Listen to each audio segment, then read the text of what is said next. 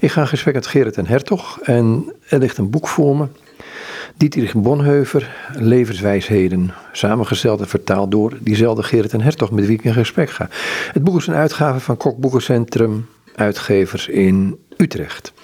Um, ik heb met, het is een boek met heel veel citaten van, van Bonheuver. Er staat een inleiding is, wie hij is, daar zal het zo over hebben. En er zit een prachtig essay in het eind, uh, waar ik nog een keer in een nutshell een aantal kernachtige uh, momenten naar voren komen. Maar als ik zo'n boek lees met al die uitspraken, dan heb ik altijd het idee van prachtig, er zijn prachtige uitspraken in, prachtige citaten in.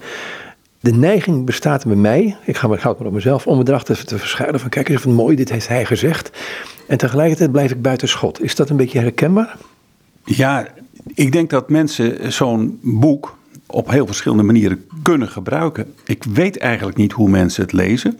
Ik heb eigenlijk nog niemand gesproken die zegt, nou ik heb er dit of dat mee gedaan.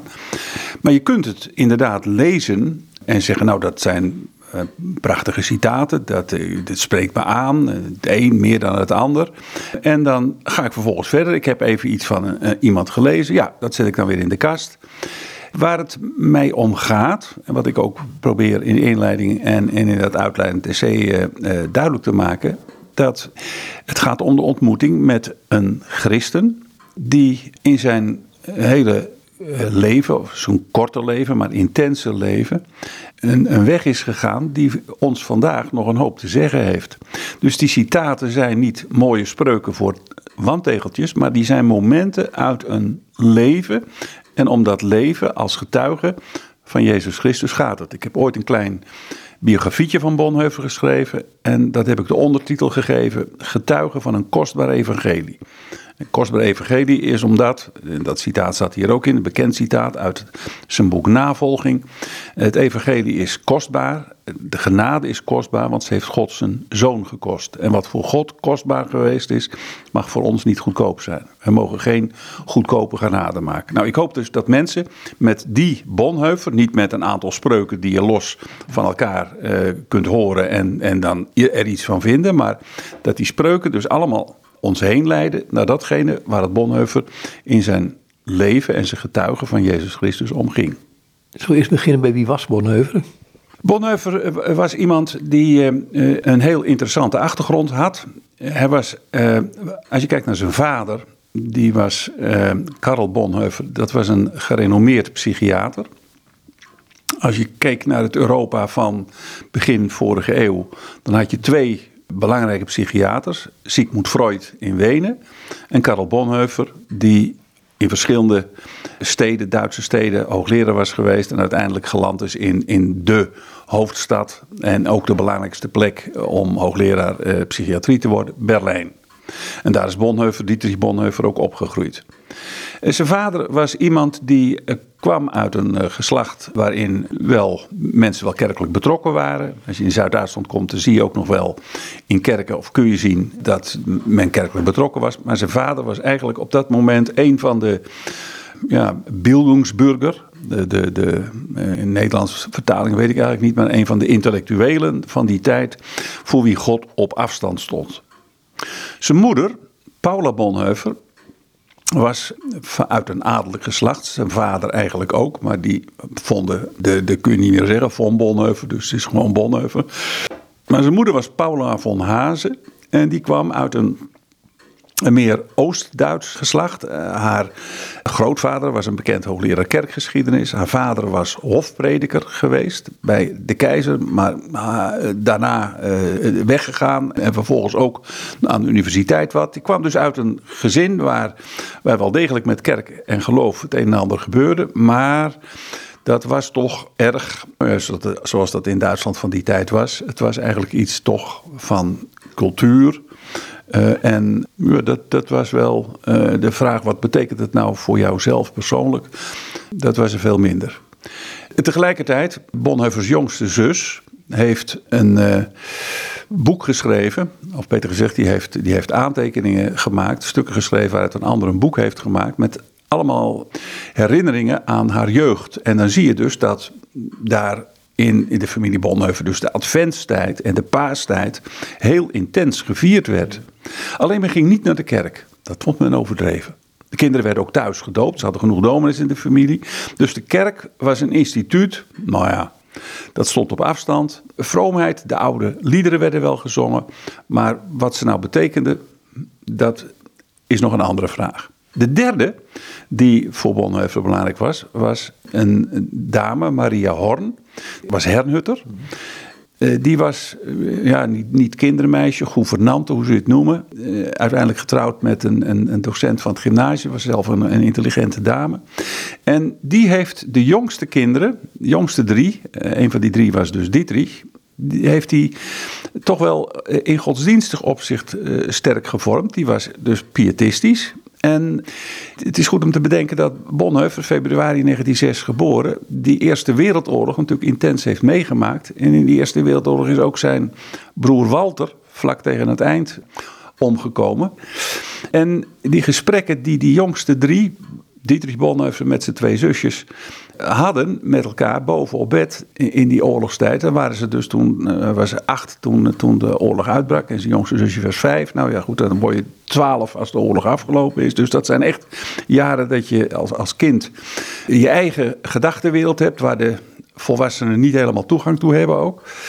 En die hebben met elkaar op, op bed wel gepraat over God en dood en eeuwigheid enzovoort. En die Maria Horn heeft daar dus ook een, een duidelijke invloed op gehad. Dus die drie lijnen, drie heel verschillende lijnen, die hebben Bonhoeffer eh, gevormd. Hij is, in zijn, je hebt een aantal citaten in het boek opgenomen, hij is erg dankbaar naar zijn voorgeslag toe.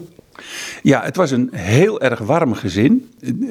Niet in de zin van dat men, dat men uh, elkaar knuffelde en, en uh, voortdurend uh, allemaal lieve dingen tegen elkaar zei.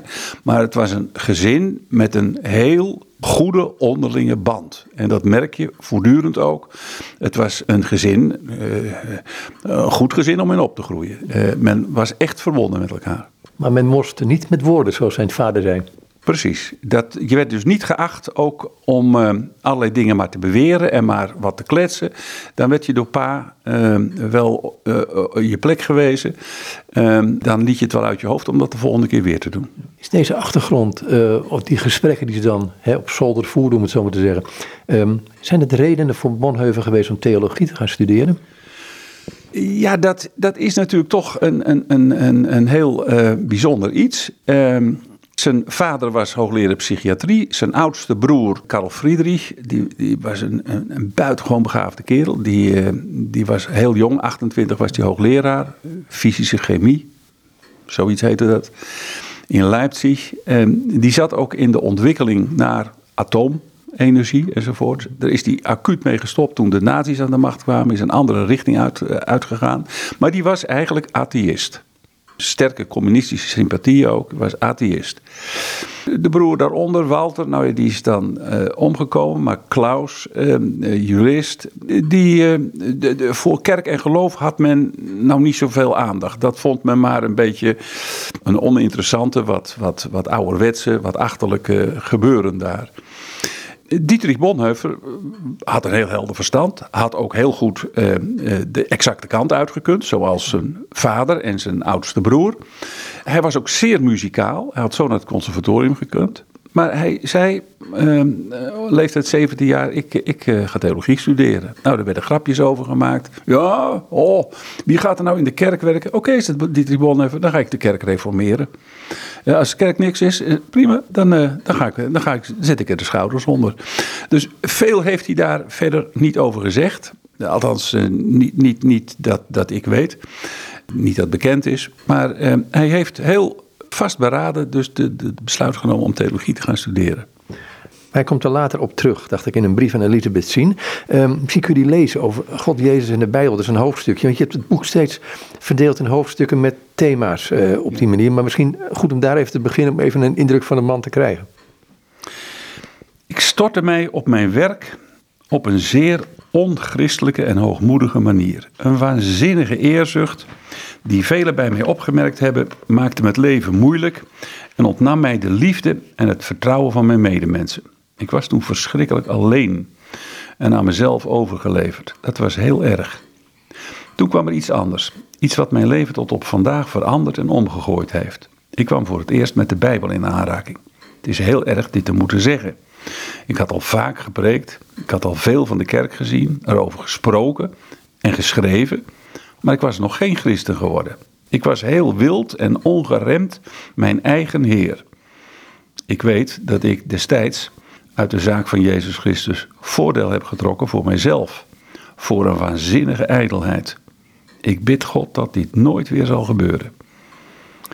Ik had ook nog heel weinig gebeden. Ik had het ondanks alle eenzaamheid heel goed met mijzelf getroffen. De Bijbel heeft mij hieruit bevrijd, in het bijzonder de bergreden. Sindsdien is alles anders geworden. Dat heb ik duidelijk gemerkt en zelfs ook andere mensen om mij heen. Dat was een grote bevrijding. Toen begreep ik dat het leven van een dienaar van Jezus Christus aan de kerk moet toebehoren. En het werd me allengs steeds duidelijker hoe ver dat moet gaan. Er zijn aparte dingen in, die mag je wel uitleggen van ja, de Bijbel. Alsof het een nieuw boek voor hem was. Ja, Bonhoeffer heeft, eh, beschrijft hier, dit is een brief uit 1936 aan Elisabeth Zimmer. Dat is een meisje met wie hij wel, een medestudente met wie hij wel omgang had. En hij beschrijft daarin hoe hij de eerste jaren van zijn studie heeft geleefd, gewerkt, gedacht. Ik denk, eerlijk gezegd, dat hij eh, hier wel heel forse taal spreekt over zichzelf. Zichzelf wel heel erg laag neerzet. Als je leest wat hij allemaal geschreven heeft in die tijd, dan was hij ook toen al, tot aan 1930, want hij heeft het hier over wat er in 1930 gebeurde, werkelijk heel uh, betrokken met de dingen van het geloof bezig. Uh, zijn jongste zus, ik vertelde net over die herinneringen van zijn jongste zus. Zijn jongste zus vertelt ergens dat ze toen zij beleidenis deed en naar de kerk ging en dat ook, ook, regelmatig deed, dat haar moeder toen tegen haar zei, zou je dat nou wel doen? is dat niet wat overdreven? Dat is die mooie klok die hier hangt, hè? Ja, precies. en die gaat zo meteen nog een keer slaan. Maar dat zijn moeder toen tegen haar zei van, eh, zou je dat nou wel doen? En toen kwam die jongste zus, die drie jaar jonger was dan, dan, dan Dietrich Bonhoeffer, kwam bij hem. En die zei, wat, wat vind je ervan? Nou, zegt Dietrich Bonhoeffer, ik ga eigenlijk graag naar de kerk. Het is namelijk zo, als er iemand op wie ik erg gesteld ben mij uitnodigt, dan ga ik altijd graag op die uitnodiging in. En dan heeft hij, had hij het bijzonder over het avondmaal, maar over de kerkgang in het geheel. Hij ging, ehm, dat was nieuw in dat gezin, hij ging trouw naar de kerk en werkte in de kerk mee. Tegelijkertijd, eh, wat hij hier beschrijft in 1930, dat is, dat is inderdaad een enorme ervaring voor hem geweest. Hij gaat in, uh, van september 1930 tot juni 1931 in New York studeren. Hij is dan al gepromoveerd uh, op zijn 21ste. En heeft al een tweede boek geschreven dat hem toegang geeft tot, uh, tot, tot professoraat. Hij is nog te jong om dominee te worden. Hij is nog geen 25. En dan gaat hij een, een jaar studeren in New York. Heeft hij een beurs voor. Union Theological Seminary. En daar gaat hij de eerste maanden van september tot december uh, naar uh, Witte Kerken. En staat volstrekt verbijsterd over wat toen in Amerika uh, de toon aangaf, een vrijzinnigheid uh, waar je wit van om de neus wordt.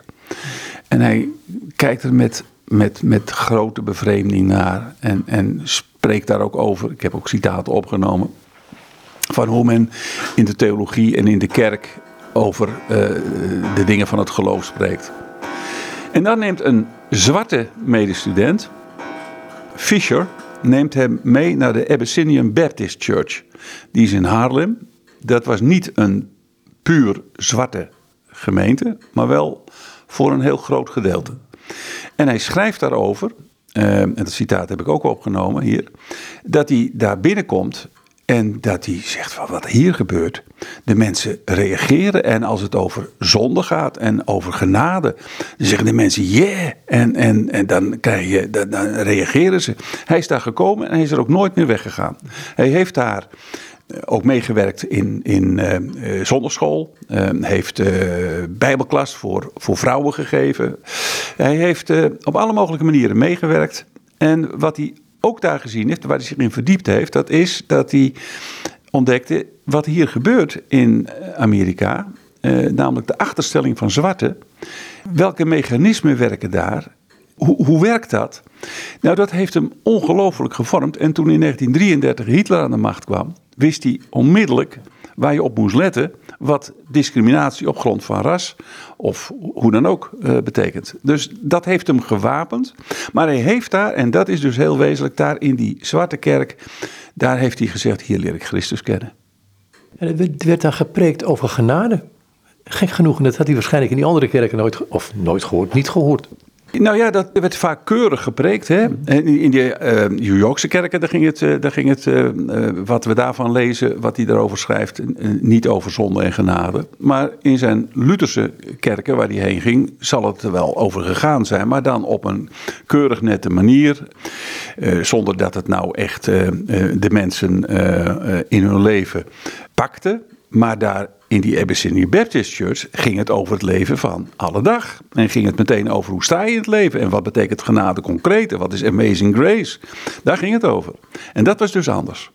Hij schrijft een, een, ook een heel mooi stukje, dat vind ik aan uh, Eberhard Beetge, dacht ik, in 1944. Dit kleine stukje, dat, dat vind ik een eye-opener. Het is natuurlijk niet iets wat je dagelijks hoort. Wanneer Jezus zondaars zalig maakte, waren dat werkelijke zondaars. Maar Jezus maakte niet van ieder mens eerst eens een zondaar. Hij riep ze uit hun zonde weg, maar niet naar binnen in hun zonde.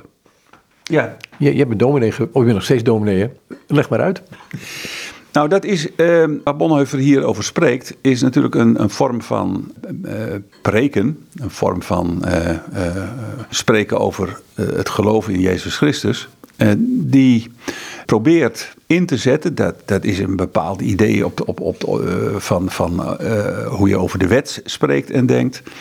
Uh, dat je de mensen eerst met behulp van de wet helemaal uitkleedt, bij wijze van spreken. Dat je helemaal niks van die mens overlaat. En dat je dan denkt dat als je dat doet, als je de mens maar helemaal afbreekt, dat je dan die mens bij Christus brengt op die manier. En Bonhoeffer zegt dat is, dat is niet wat, wat de Bijbel doet. En dat is ook niet de reformatie. Uh, en, en zo moeten we het ook niet doen. En ik denk dat hij daar helemaal gelijk in heeft. Als je kijkt naar uh, wat Jezus zegt. Wat is, wat is de zonde, zegt Jezus in Johannes. Het evangelie naar Johannes. Nou, de zonde is dat ze in mij niet geloven.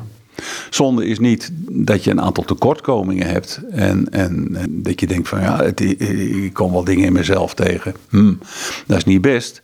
Maar zonde is uiteindelijk dat je nee zegt tegen hem die gekomen is om dat hele zaakje van mij, om zo om nou maar even plat te zeggen, dat hele zaakje van mij met alles wat erop en eraan zit, waar ik niet uitkom. Als ik het goede wil doen, ligt het kwade me bij. Ik weet het niet. Ik kan het niet.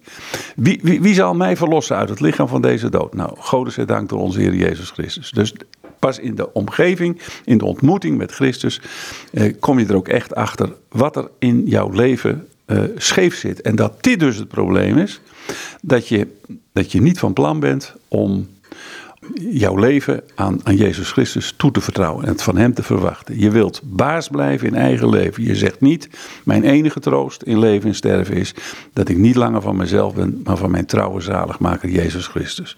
Dat zeg je niet. Dat is het probleem. Dan heb je het wel met jezelf getroffen natuurlijk. Ja, of je, maar je kunt ook heel erg, je kunt met jezelf getroffen hebben, maar je kunt ook heel erg aan jezelf vertwijfelen. De grootste uh, idealisten uh, vertwijfelen. Ik denk maar aan die, aan die jonge man, waarschijnlijk een jonge man die bij Jezus komt, rijk iemand ook nog. Die zegt, goede meester, wat moet ik doen om het eeuwige leven te berven? Die man heeft dus een innerlijke onzekerheid. En Jezus zegt, nou, wat staat er in de wet geschreven? Vertel eens. En dan, ja, de, de, de, precies, er worden de, geboden opgenoemd. Ja, zegt die man, maar dat heb ik allemaal gedaan van jongs af aan. En hij geeft daarmee aan natuurlijk, maar ik heb geen rust daarin. Hij heeft het allemaal gedaan en hij heeft het ook echt allemaal gedaan. Maar hij heeft er geen, geen rust in. Nou zegt Jezus nog een kleinigheidje. Verkoop alles wat je hebt. En zo laat Jezus hem voelen dat zijn geld hem alles waard is. En dat pas als je je leven in Christus vindt, je echt een rijkdom in hem hebt, dat je dan pas een rijk mens bent. Kom je dan bij, en ik ga weer naar Bonhoeffer toe, uh, wat ergens, uh, wat er ook een stuk uit Colossens aangehaald. Uh, ik moet in die Christus hymne denken dat in hem, door hem en voor hem alles geschapen is. Ik, ik ga nu heel kort de bocht. Um, is dat iets wat hij steeds meer in de gaten krijgt? Want dat lees ik ook in zijn ethica, of zijn aanzet tot, aanzetten tot ethica heet het, meen ik het boek. Lees ik het ook dat, um, dat Christus het leven is. En het dus buiten hem geen leven lijkt te zijn. Nou, voor Bonhoeffer is, is, is heel belangrijk. Daar ligt denk ik ook wel uh, een heel belangrijk stuk van zijn, zijn erfenis, zijn actualiteit voor vandaag. Hij uh, uh, gaat in 1940 bezig met een ethiek te schrijven. Hij heeft dan een leven zonder eigenlijk vast adres. Hij uh, is dan eens een poosje hier, dan een poosje daar. En in, in Ettaal in Zuid-Duitsland in in, in, kan hij in een klooster werken. In Pommer, uh, in, in het oosten van Duitsland, wat nu Polen is, heeft hij op een landgoed onderdak. Hij, hij werkt op verschillende plekken. Uh, steeds aan stukjes voor zijn ethiek, moet boeken maar mee zien te slepen. Maar in die ethiek is één ding heel belangrijk. Ehm, kijk, hij schrijft in 1940. Dan is de Tweede Wereldoorlog een feit. En dan is Bonhoeffer inmiddels zelf ook betrokken bij de plannen voor een aanslag op Hitler. En hij ziet dan in de ethiek twee lijnen. Lijn 1 is de lijn van een heleboel ethici in Duitsland, christelijke ethici, die zich aanpassen aan uh, de nazistaat, die dus hun ethiek heel voorzichtig wat ombuigen, of heel brutaal wat ombuigen en Hitler bijvallen. Andere ethiek is dat mensen zeggen, ja, moet luisteren, eh, eigenlijk gaat het in de christelijke ethiek alleen maar om het innerlijke, om het persoonlijke leven, je persoonlijke motivatie. En wat je in het dagelijks leven doet, dat staat er eigenlijk buiten. Dus dat is een scheiding tussen innerlijk en uiterlijk. En het is allebei natuurlijk niet een, een ethiek die mensen in die verschrikkelijke werkelijkheid van Nazi-Duitsland een weg wijst. En Bonhoeffer zegt, wij moeten heel anders naar de wereld kijken. Hij schrijft een hoofdstuk, en dat heeft de titel, een van de eerste wat hij schrijft, Christus, de werkelijkheid en het goede. En die drie woorden moet je alle drie goed uh, wegen. Meestal denk je, een ethiek begint met wat is goed en kwaad, dus dan gaat het goede voorop. Nee, dat is het laatste woord. Het begint bij Christus. Christus, Colossense 1, vers 15 tot 20, die Christus in. Christus is degene die het geheim van deze wereld is. God heeft in Christus de wereld lief gehad. De wereld, Christus is uh, mens geworden, gekruisigd, opgestaan. Die Christus heeft de hele wereld in zijn handen. En van daaruit ga je naar de werkelijkheid. Dat betekent dat de werkelijkheid van het leven, die weerbarstige werkelijkheid van Nazi-Duitsland, met die omweertung aller met, met de herwaardering van alle waarden, met een hele nieuwe waardeschaal. Waar je mensen zeggen, ja, daar moet je mee, daar kun je niet aan drukken. Nee, is niet waar. In Nazi-Duitsland loopt er een weg omdat Jezus Christus leeft. En pas van daaruit kun je dan ook praten over het goede. Dus je, je praat niet idealistisch over het goede. Van ja, eigenlijk zou je dit moeten doen, maar het kan eigenlijk niet. Nee, je praat over de werkelijkheid. Welke weg ligt er in de werkelijkheid? Welke weg ligt Christus open? Waar kun je hem ook in die weerbarste werkelijkheid volgen? En dan kom je bij het goede uit. Dus dat is, dat is wezenlijk voor zijn hele leven en denken. Dus uh, wij hoeven Christus niet in de wereld te brengen. Christus is er. En, en dat bepaalt natuurlijk ook in uh, die gevangenisbrieven. Uh, als die heel kort door de bocht zegt. En denk erom, Christus staat niet in de rand, maar in het midden. De kerk staat ook niet, en dan heeft hij natuurlijk over de dorpen in Duitsland en de, de dorpen in Nederland van vroeger. De kerk staat niet aan de rand van het dorp, maar de kerk vormt de kern van het dorp. Christus staat in het midden. En Christus komt er niet pas bij, we hoeven hem er niet bij te halen. Christus staat in het midden. Dan kom je met het begrip verantwoordelijkheid. Ja, verantwoordelijkheid is, is bij Bonhoeffer een, een, een, een centraal begrip uit zijn uh, ethiek. En verantwoordelijkheid betekent voor hem dat je echt ook antwoord geeft. Het is niet verantwoordelijkheid in de zin van hier ben ik los van God. Ja, ik, ik, geloof wel in God, maar dat doet er nu even niet toe. Hè? Zeg je, zou je dan kunnen zeggen. Uh, hier ben ik. En, en ik, ik ga nu gewoon in mijn persoonlijke verantwoordelijkheid gestalte geven aan mijn leven. Nee, verantwoordelijkheid voor Bonhoeffer is dat je de weg gaat. Zoals ik het net aangaf, Christus, de werkelijkheid, het goede. De weg gaat in de werkelijkheid als antwoord op God. Dat is jouw verantwoordelijkheid. En die verantwoordelijkheid kan niemand van je afnemen. Die verantwoordelijkheid heb je, daar ben je in gesteld, daar ben je toe geroepen. Uh, en die verantwoordelijkheid voor jouw leven, ook voor andere mensen uh, die aan jou toevertrouwd zijn, met wie jij een relatie hebt, voor jouw land ook, voor je kerk, die verantwoordelijkheid bepaalt jouw leven. En dan sta je midden in het dagdagelijks leven wezen, waar ik, waar ik af en toe wel het idee van heb van dat lijkt me de moeilijkste manier om christen te zijn. Want daar ben je het. En dan moet je een antwoord geven op de dingen om je heen. Die soms net even anders zijn dan jij denkt dat ze zijn. Ja, dat is het, dat is het moeilijkste. Maar tegelijkertijd, het is ook de enige reële mogelijkheid. Want op het moment, dat zien we vandaag natuurlijk heel helder, op het moment dat je denkt van ik ben christen en ik heb mijn normen en waarden. Oh ja, nou moet ik, nou moet ik ook nog even nadenken van wat, wat, wat betekent dat in, in deze tijd en waar is God dan te vinden enzovoort. Nou, dat is een hele, uh, een hele opdracht om daar nog, dat zien we vandaag ook om ons heen. Heel veel mensen zeggen ja, in het dagelijks leven handel ik gewoon volgens mijn inzicht of volgens wat de omgeving zegt. Ja, en God is eigenlijk er alleen voor de zondag. Nou, en voor Bonhoeffer is Christus het midden van het leven. En is alle leven en denken en handelen van hem uit. hij, schrijft in, in augustus 1944 zo'n zinnetje, ik zeg het uit mijn hoofd. We moeten ons heel lang in het spreken, leven, handelen, lijden, sterven en opstaan van Jezus Christus verdiepen om te weten wat God ons belooft en wat hij van ons vraagt. Dus je helemaal mee laten nemen door wat God in Jezus Christus doet.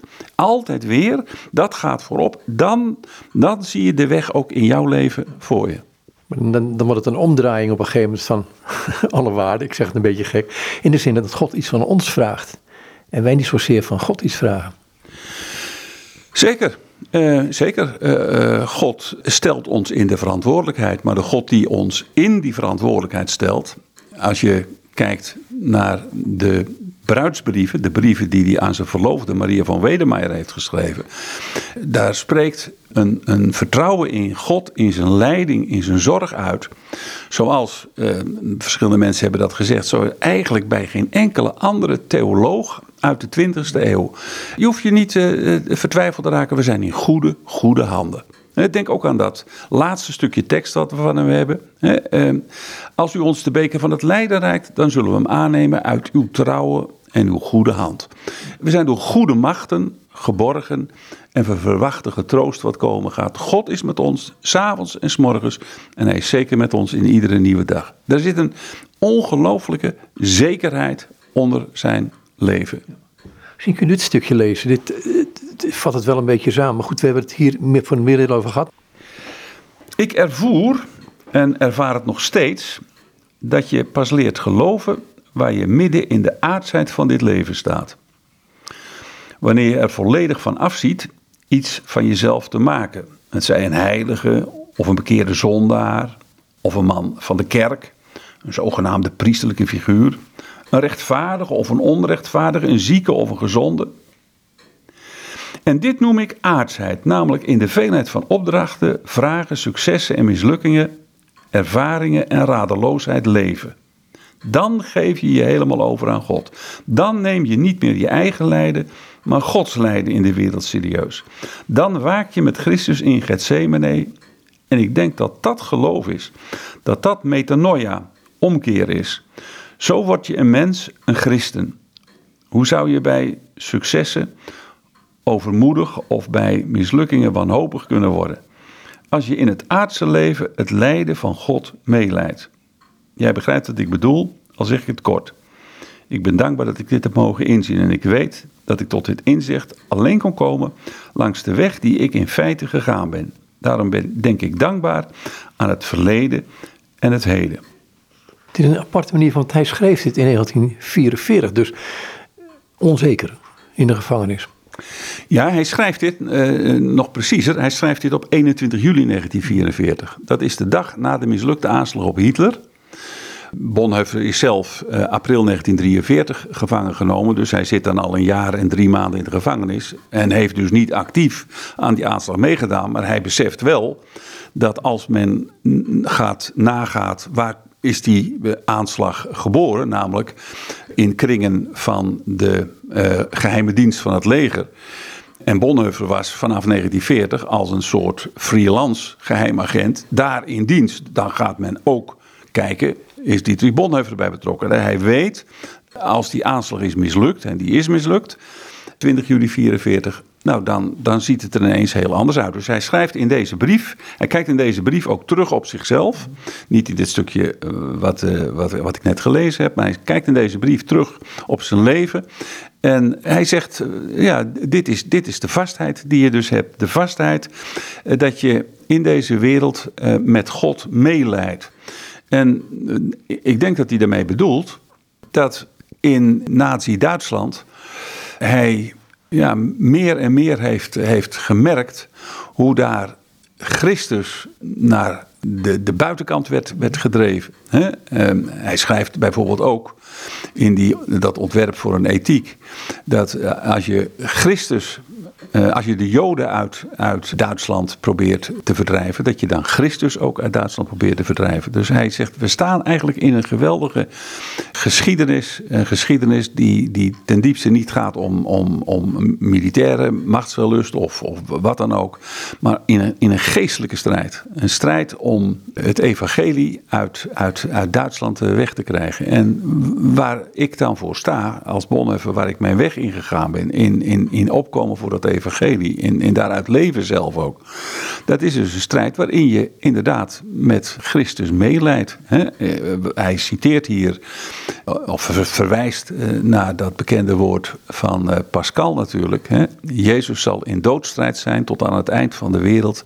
Tot aan die tijd mogen wij niet slapen. In de gedachten van Pascal. Nou, dat wordt, dus als kerk zeggen we niet, nou, we zijn, ja, we zijn toch, we hebben een leuke bestaan, een aardig bestaan als mensen van deze tijd. En, oh ja, we zijn ook nog kerklid. Nee, je bent als christen opgenomen in die weg die God met deze wereld gaat. En uh, Paulus heeft het er ook wel over. Wij vullen in ons eigen bestaan aan wat ontbreekt aan het lijden van Christus, zegt Paulus. Nou, dat is, zoiets heeft de uh, Bonhoeffer hier op het oog.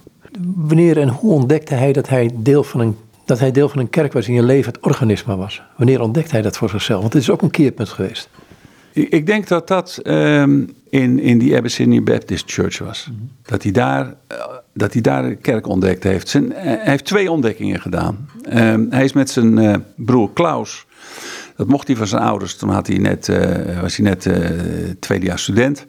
Een reis naar Rome maken. Is hij drie maanden in Rome geweest. Was uit de Sint-Pieter niet weg te slaan. Bezocht ook, ook colleges enzovoort. Uh, was helemaal onder de indruk van een kerk, een liturgie, die inhoud had in de Rooms-Katholieke Kerk is het natuurlijk ondenkbaar dat je privé op jezelf wat Bijbel leest. En dat is het dan zonder dat je naar de kerk gaat. Wat ben je? Terwijl wij dat gek vinden als protestant. Hè? We denken, nee, je moet de Bijbel lezen. Ja, nee, dat, Bonhoeffer is in die zin zeker protestant gebleven. Hij is geen Rooms-Katholiek geworden. Maar hij ontdekte dus dat wat hij thuis had meegekregen, namelijk dat je dus voor de doop kun je gewoon thuis doen. En zijn moeder vond, ja, advent vieren we thuis. En, en we zingen de Matthäus Passion en zo. Maar we gaan, eh, we gaan niet naar de kerk, wat een onzin. Nou, dat dat niet kan. In één keer komt hij dus daar in Rome tot ontdekking. Er is iets als kerk, er is liturgie waarin je wordt opgenomen. En jij bent niet hier en, en, en uh, je kunt naar believen al dan niet naar de kerk gaan. Maar, maar kerk is een gebeuren en, en jij wordt erbij betrokken. Dus dat is een eerste ontdekking geweest. En die ontdekking verdiept zich, verandert ook uh, op een bepaalde manier. Als die dus in die Abyssinian Baptist Church is, dan ziet hij dat een kerk midden in het leven staat. En uh, dat, dat vormt zijn bestaan. Is het er ook die, die omschakeling van ik naar wij? Ja, die, die heeft hij meteen al gezien. Want het is heel opvallend natuurlijk. Ik, ik, ik zei straks al dat hij op 21-jarige leeftijd, nog net 21 jaar, promoveerde tot dokter in de theologie. Maar zijn onderwerp was gemeenschap der heiligen, het geloofsartikel van de gemeenschap der heiligen. Hij is dus van meet af aan, uh, wat hij in, in uh, Rome ontdekt heeft, waar hij mee uh, lijfelijk mee in aanraking is gekomen, namelijk dat kerk niet maar een cerebraal iets is, niet maar een, een, een gezindheid is, maar een, een, een werkelijkheid met een liturgie waar iets gebeurt dan, hier moet ik over nadenken. En hij schrijft dus dat boek over het geloofsartikel, Gemeenschap der Heiligen. En bedenkt dat met het oog op een jonge wetenschap die er op dat moment is, de sociologie. Dus hoe zit dat nou sociologisch? Hoe zit dat nou als je kijkt naar de samenleving? Hoe zit dat nou, wat zegt die gemeenschap der Heiligen voor dat, dat bestaan van de kerk in de samenleving eh, als gestalte in het leven? Wat betekent dat? Wat was zijn antwoord? Uh, nou, er staat een zin in die tot op het laatste ook weer terugkomt: dat Christus bestaat als gemeente.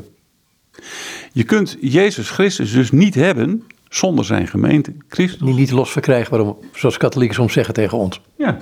Hij, hij bestaat als zijn gemeente in deze wereld. Je kunt niet een, een privé uh, geloof hebben, zonder dat je naar de kerk gaat. Ja, hoe, hoe God met zo iemand omgaat, uh, dat is een ander verhaal. Maar nu gaat het even over hoe, hoe zit het bijbels gezien in elkaar. je kunt niet op jezelf geloven. Altijd als je gelooft, onmiddellijk in heel de Bijbel zie je dat mensen in een gemeenschap geplaatst worden.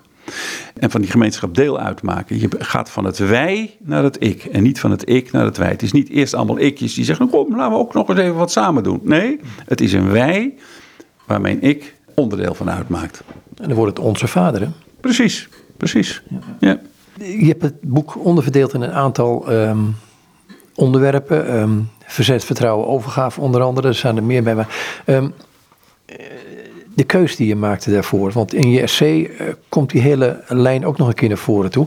Um, waarom deze lijn? Dit boek is, uh, uh, maakt deel uit van een bepaalde serie. Waarin diverse denkers met hun tussen aanhalings levenswijsheden worden gepresenteerd. Dus die heeft een bepaalde opzet die ik niet gekozen heb, maar die mij meegegeven is. Mm-hmm. En dan moet je kijken hoe doe ik dat tot het format dat, je mee, dat ik meekreeg van de uitgever behoort ook dat je kijkt naar de, uh, een, aantal hoofdstukken aanbrengt, een stuk of twaalf hoofdstukken was de richtlijn. En dat je op die manier dus die, die, die uitspraken wat, wat, wat ordent. Uh, met de bedoeling dat mensen die zeggen ik wil eens weten wat hij zegt over bijvoorbeeld de Bijbels, een van die hoofdstukken.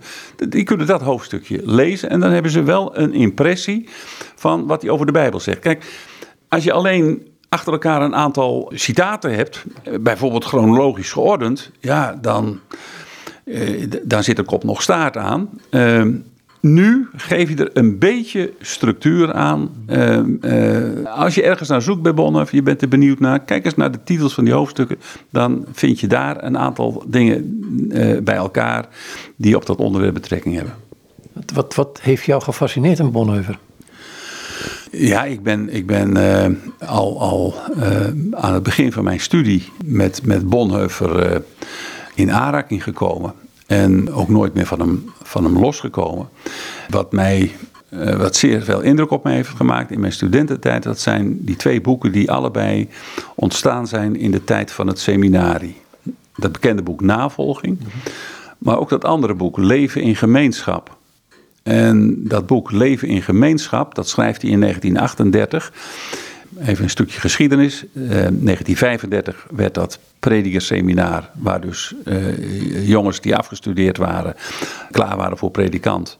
Maar aan universiteiten waar de nazi's uh, de dienst uitmaakten en veel hoogleraren ook nazi-ideologie door hun colleges heen deden het heeft de beleidende kerk in Duitsland gezegd. We willen dat jongens een, een, een stukje geconcentreerde opleiding krijgen. En, en bijbels en ook naar de traditie van de kerk, de reformatie.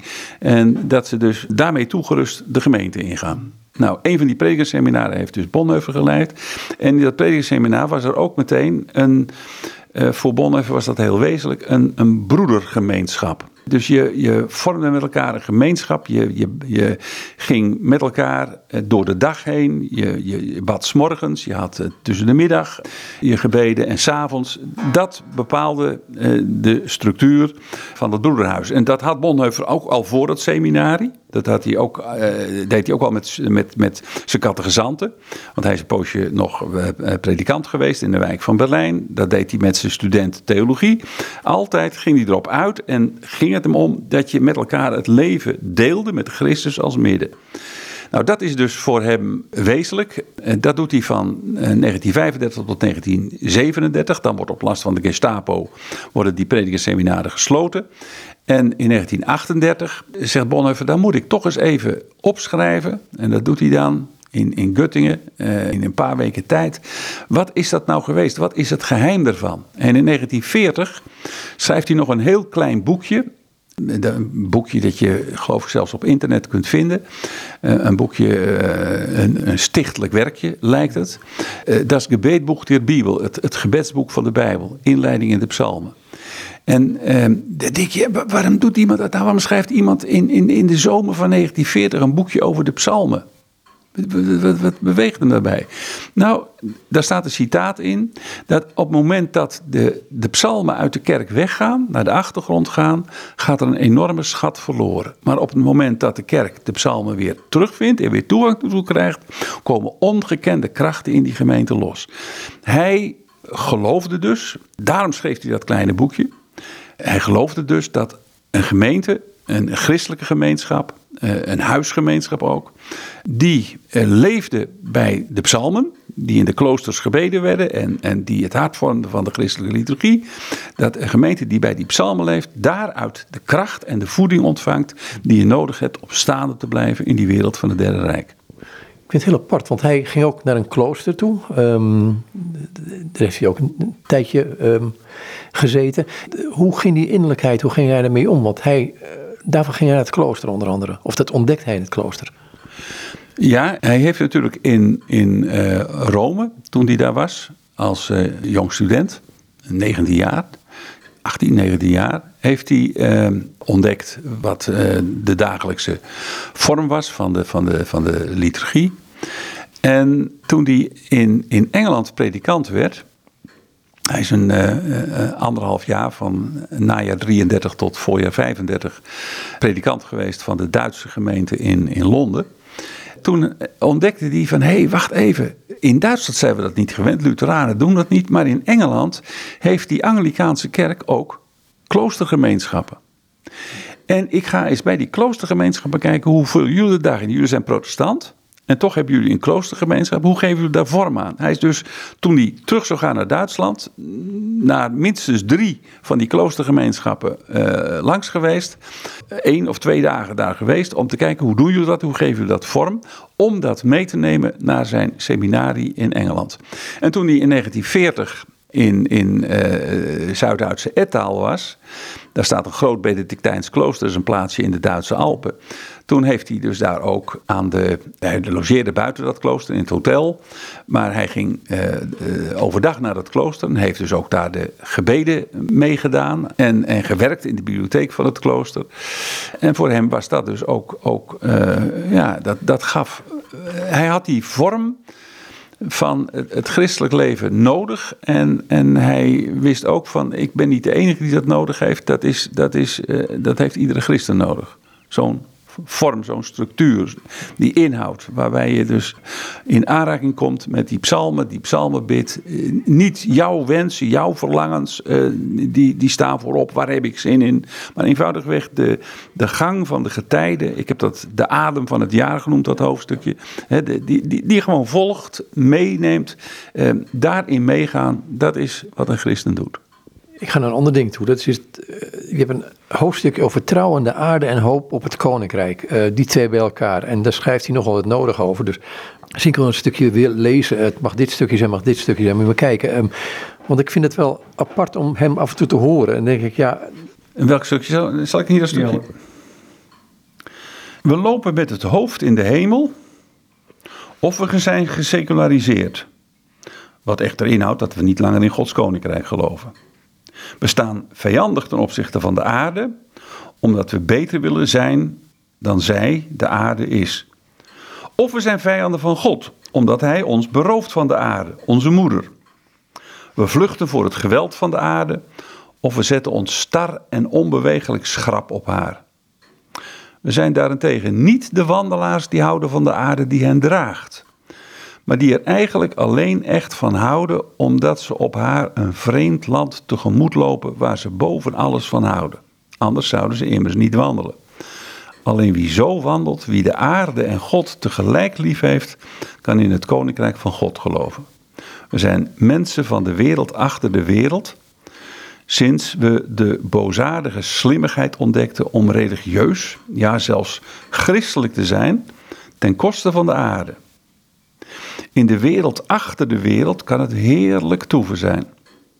Waar het leven pijn begint te doen en hachelijk begint te worden, springt men altijd met een koene afzet de lucht in en slingert men zichzelf opgelucht en onbekommerd naar zogenaamde eeuwige streken. Men slaat het heden over, men veracht de aarde, men is beter dan zij, men heeft immers buiten de tijdelijke nederlagen nog eeuwige overwinningen die zo gemakkelijk behaald worden. Wat denk je dan? Wat ik hier denk is ehm, ehm, dat Bonhoeffer iemand was die eh, net als zijn tijdgenoten Nietzsche gelezen had. Bij Nietzsche lees je dus eh, die oproep: Broeders, blijft de aarde trouw. En Bonhoeffer heeft veel nagedacht over wat is nou de verhouding tussen het leven in deze wereld en dat helemaal leven en de hoop op het koninkrijk van God. Hij zegt ergens in, in dat is later, dit is een vroeger stukje uit de jaren 30, het stukje wat ik net gelezen heb. Maar hij zegt later ergens, ehm, we zullen het werken aan, een, een, aan deze wereld pas uit handen geven als God ons roept en geen moment eerder. En hij zegt ook in die gevangenisbrieven ergens: Het is onkies om in de armen van je vrouw naar God te verlangen. Dat doe je niet. Het is ook helemaal niet vroom. Dus hij, hij heeft iets gevoeld in het protestantisme met name van ja, het, het hele, protestanten zeggen dus dat het hele leven geheiligd moet worden. Betekent dat dan eigenlijk ook dat je, dat je dus als je uh, uh, samen leeft, als je uh, seksueel gemeenschap hebt, dat je dan eigenlijk daarin toch ook aan God moet denken of zoiets? Onzicht, Bonheuvel. Je mag het genieten als God ons zegt hij weer ergens, een onbeschrijfelijk groot geluk geeft, dan moet je ervan genieten. En dan moet je niet zeggen, eh, nou ja, ik weet het niet. Er komen echt wel andere tijden waarin je zegt, ik wilde wel dat ik thuis was, ik wilde wel dat ik bij God was. Maar als, wat, als God jou iets goeds geeft en moois en je bent er blij om, dan mag je dat uit zijn hand ook ontvangen. Dus hij heeft iets gevoeld, geproefd van, in, in, in, in, in christelijke theologie, ja, je, je, je leeft wel op aarde, maar eigenlijk eh, mag je ook niet van, die, van de dingen van deze aarde genieten. Je moet er ook niet helemaal in meegaan. En dat is eigenlijk dus iets halfslachtigs geworden. Je bent niet echt van God daarin. Want in de seksualiteit ja, gaat het toch echt wel om, om, om het vrije. Hè? Uh, gaat het echt om, om, om genieten ervan ook. Dus dit, ja, oh, ja, wat is dat dan? Maar tegelijkertijd, uh, je, bent dus niet helemaal op God gericht. Maar je, je, je kunt er eigenlijk ook niet met een goed gevoel van de aarde genieten. En dat is foute boel. Ik denk weer aan wat ik straks zei over de ethiek. Christus is in deze wereld ingegaan. Hij is in deze wereld, heeft hij, is hij gestorven, is hij opgestaan. Deze wereld is de werkelijkheid van God. Geniet ervan. Maar tegelijkertijd, en dan denk ik aan wat Bonhoeffer als titel voor zijn ethiek had willen meegeven. Dat is namelijk de titel Wegbereiding en Intocht. Ons leven is wegbereiding. Ons leven wat we hier hebben en wat in zichzelf ook genoten mag worden en gedaan mag worden. Dat leven wat we nu leven is een leven dat toch voorbereiding is op het laatste. En, we leven in het voorlaatste. Dat is deze aarde, het voorlopige. Het laatste is het koninkrijk van God. Zo'n boek als Hooglied. Um, ja, ik heb de neiging dat we dat maar niet te letterlijk moeten lezen dan. Als ik dit zo hoor, denk ik, of juist wel. Ja, ik denk dat je met Bonhoeffer eigenlijk boek Hooglied heel goed kunt lezen. Namelijk een boek dat ons uh, laat zien dat je inderdaad uh, van het aardse mag genieten, dat God dat geeft. Denk ook aan prediker, geniet het leven met de vrouw die je lief hebt. En als God een mens het eten en drinken geeft en, het goede geeft, dan is dat de gave van God. Prediker, hooglied, mag je helemaal nemen. Tegelijkertijd um, zit er in het hooglied ook iets van, van, van een verlangen in. Ja, nou, ik denk dat dat. Kijk, je kunt hooglied uh, halfslachtig verstaan, opvatten. Als, of je eigenlijk dus, dus uh, geen van beide echt bent. Maar ik denk dat hooglied heel lijfelijk, lichamelijk, aards verstaan mag worden. En tegelijkertijd ook heel duidelijk gericht op de gemeenschap met Christus. En dat die twee elkaar niet uitsluiten, maar dat die twee uh, uh, werkelijk een eenheid vormen die, die je mag en kunt leven. Gelukkig wel. Precies. Ik wou naar dit stukje gaan, maar ik weet niet, ik moet een vraag over rekenschap. Hè? Um, je hebt een essay achterin geschreven. Um, en ik vind het wel verhelderend om dat te lezen, want je zet daardoor ook een aantal citaten gewoon op zijn plek. Um, de balans, waar staan we? En dan ga je over het boekje rekenschap en dan heb je het over hier over drie of vier soorten mensen die je kunt hebben in het licht van Bonheuver. Ja, dat, die rekenschap schrijft Bonhoeffer. De, de ondertitel van dat, die rekenschap uh, is uh, Na tien jaar. En hij schrijft dat voor zijn vriend Eberhard Beetke. En voor een paar andere mensen met wie hij in de geheime dienst van het leger samenwerkt. ter voorbereiding voor een aanslag op Hitler. Hij schrijft het eind 1942.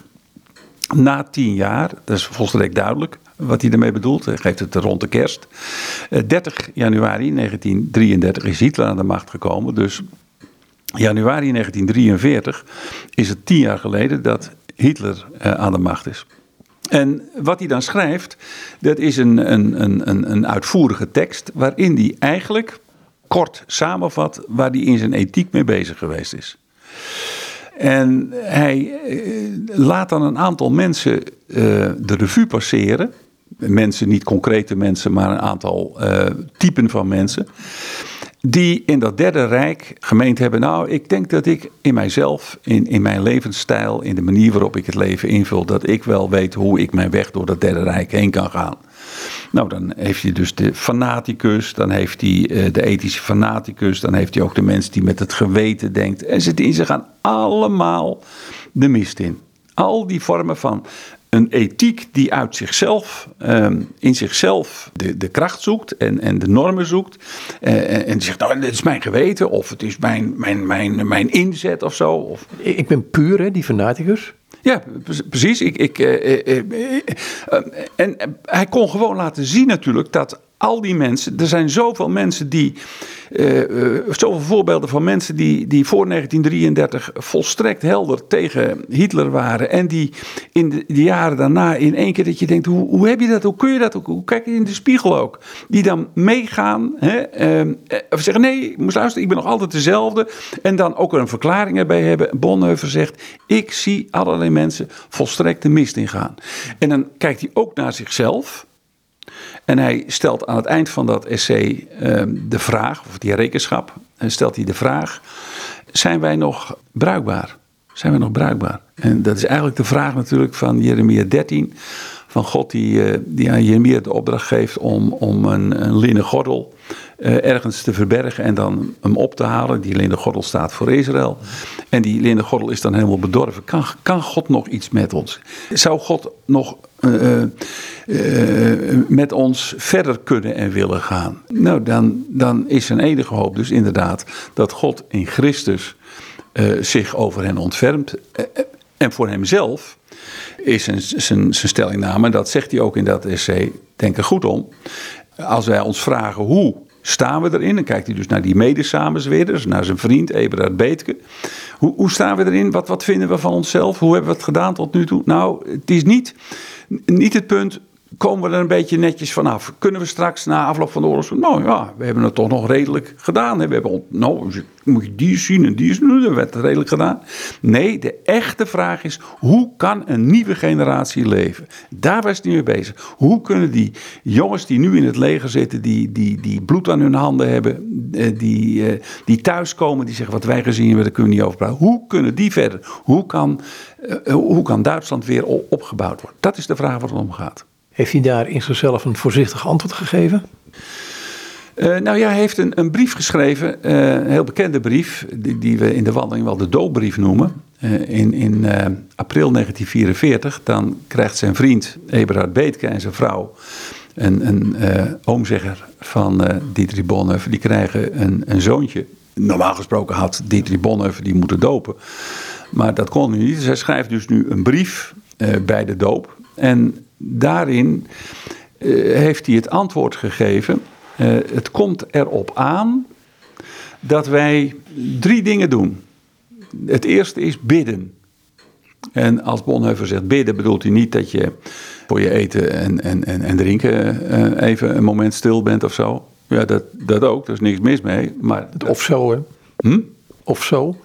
Ja, het, het is, uh, voor Bonhoeffer gaat het erom dat je dus je laat meenemen in die, waar we het net over hadden, in, in, in, in, in, in dat, die stroom waar het gebed een onderdeel van is. Je laat je meenemen in dat leven en werken van de opgestane Jezus Christus. Dat is bidden. En dan doen wat rechtvaardig is onder de mensen. Niet doen wat goed is, Dat je zegt, nou, ik doe wat goed. Nee, wat rechtvaardig is. Wat, de, de vraag is dus niet jouw persoonlijke goedheid. De vraag is, wat is rechtvaardig? Wat moet er gebeuren onder de mensen? Hoe kun je mensen recht doen? Hoe kun je voor mensen opkomen? En derde is dan wachten op de dag dat God geeft dat die oude woorden van de Bijbel, geloof, bekering, liefde tot de vijand, wedergeboorte, dat die oude woorden van de Bijbel en de christelijke traditie weer voor ons gaan leven en kracht uitoefenen, zodat het gelaat van de aarde zich eronder verandert. Bonhoeffer was eigenlijk dus, uh, keek uit naar een opwekking. Bonhoeffer keek, en, en, niet een opwekking van het innerlijk, maar een opwekking die van, van een, een, christenheid die, die uh, uh, uit die krachten van het evangelie leefde en van daaruit ook in de samenleving woorden sprak, waar de mensen zeggen, oh ja, dat, dat heb ik nodig. Dus niet woorden waarbij je, nou wat we straks gelezen hebben, een, een, dat je iemand helemaal ontleedt en zegt, nou dat is helemaal mis met jou, uh, ga, maar, uh, ga maar wieberen. Nee, maar dat je iemand vanuit Jezus Christus een weg wijst. Daar gaat het om. Lijkt me ook. Hey, dankjewel. Oké. Okay. En dit zijn Gerrit en Hertog en met hem sprak ik op basis van het door hem geschreven boek Levenswijsheden van Dietrich Bonhoeffer. Teksten van Dietrich Bonhoeffer. Er staat ook een inleiding en een prachtig essay aan het eind van hemzelf. Het boek is uitgegeven bij Kokboekencentrum Uitgevers in Utrecht.